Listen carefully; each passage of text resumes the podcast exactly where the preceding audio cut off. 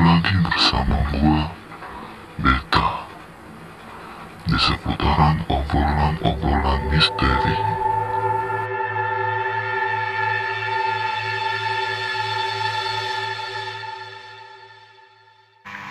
Kali ini gue mengundang dua narasumber dari pendakian Cikuray yang katanya keganjalan-keganjalan yang tidak bisa dipikir oleh nalar. Oke langsung aja gue lagi sama Mas Tri dan Bung Irfan. Untuk pendakian ini bisa tolong diceritakan nggak apa tuh keganjalan-keganjalan yang berada di gunung tersebut? Coba tolong dijelaskan Bung Irfan. Oke, pertama-tama gua akan ceritain asal mulanya pendakian ini. Untuk pendakian di Cikura ini kita ada berjumlah 14 orang. Dan tiga di antaranya adalah cewek perempuan ya. Hmm. Nah, rata-rata hampir setengahnya tuh kita masih pemula baru pertama kali naik gunung termasuk gua sendiri. Nah, singkat cerita, kita rombongan 14 orang nyampe di terminal Garut tuh sekitar pukul setengah 4 pagi lah sebelum subuh. Nah, karena kita kan naik Cikuray via pemancar ya, jadi untuk sampai ke pemancarnya itu kita harus nyewa mobil bak lah istilahnya. Dan singkat cerita kami berombongan langsung segera menyewa mobil bak tersebut dan singkat cerita gua dan rombongan udah nyampe kurang lebih di setengah perjalanan ya. Dan itu sudah masuk kawasan hutan lah karena kanan kiri kan udah pohon-pohon lebat dan apa kondisi masih malam gelap juga. Gua sendiri kan masih pemula ya. Ya serem lah liatnya juga. Cuman di situ gua ngerasa ya masih aman-aman aja kagak ada keganjalan yang terjadi mungkin kalau dari sisi Mas Di sendiri bagaimana? Ya gue mah pan pas di situ emang masih nyaman-nyaman aja di situ. Sama nah pas naik ke atas lagi tuh. Nah ada satu perempuan dah tuh. Bisa ngelihat dia dia apa namanya orang bisa dah. Maksudnya bisa tuh gimana? Tolong diceritakan apa dia bisa melihat makhluk-makhluk halus atau hanya merasakan saja? ya emang dia bisa ngelihat ya gua anggap dia orang indigo dah yang bisa ngelihat sambil ngerasain juga bisa Nah, terus keganjilan-keganjilan itu apa? Coba nah dijelasin.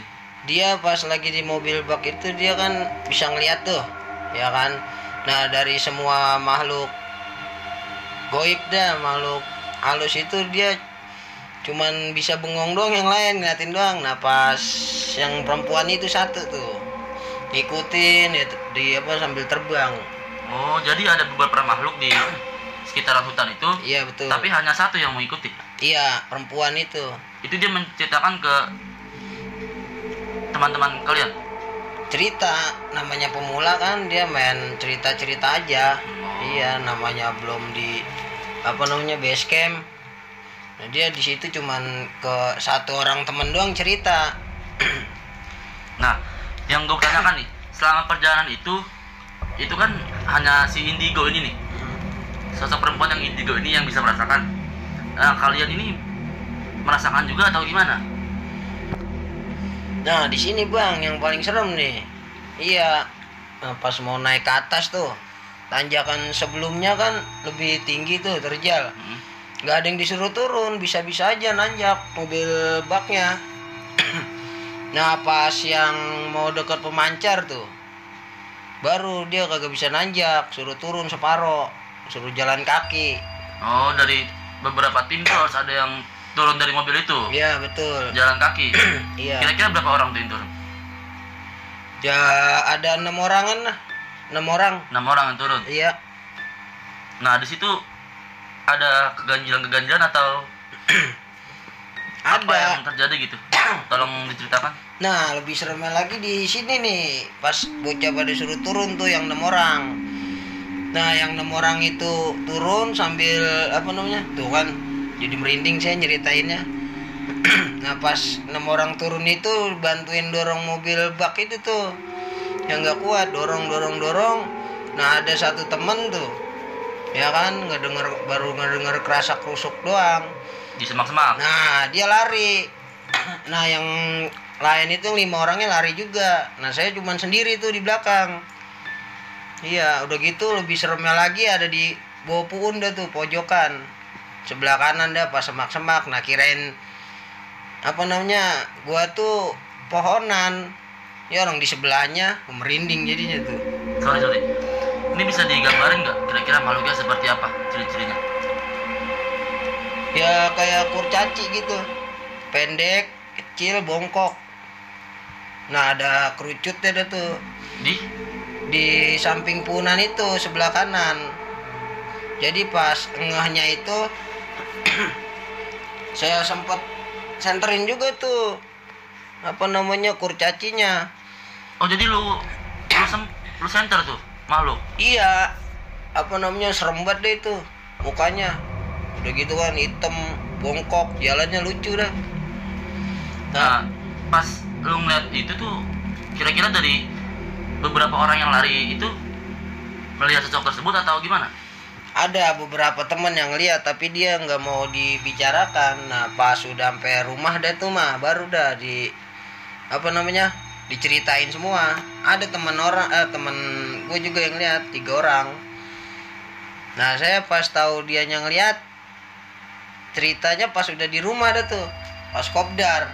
Hmm, baru dah evaluasi dah tuh. Nah, untuk respon lu nih ketika makhluk itu lu lihat apa yang lu lakuin? Sedangkan teman lu berlima ini lari, lu sendiri di belakang. Respon lu gimana? Nah itu awalnya gue juga ikut lari karena ngelihat itu kurcaci tuh sampai gue center serem dah pokoknya. Sampai badan pada merinding di situ. Nah di situ mah hati-hati dah banyakin sholawat kalau lewat situ.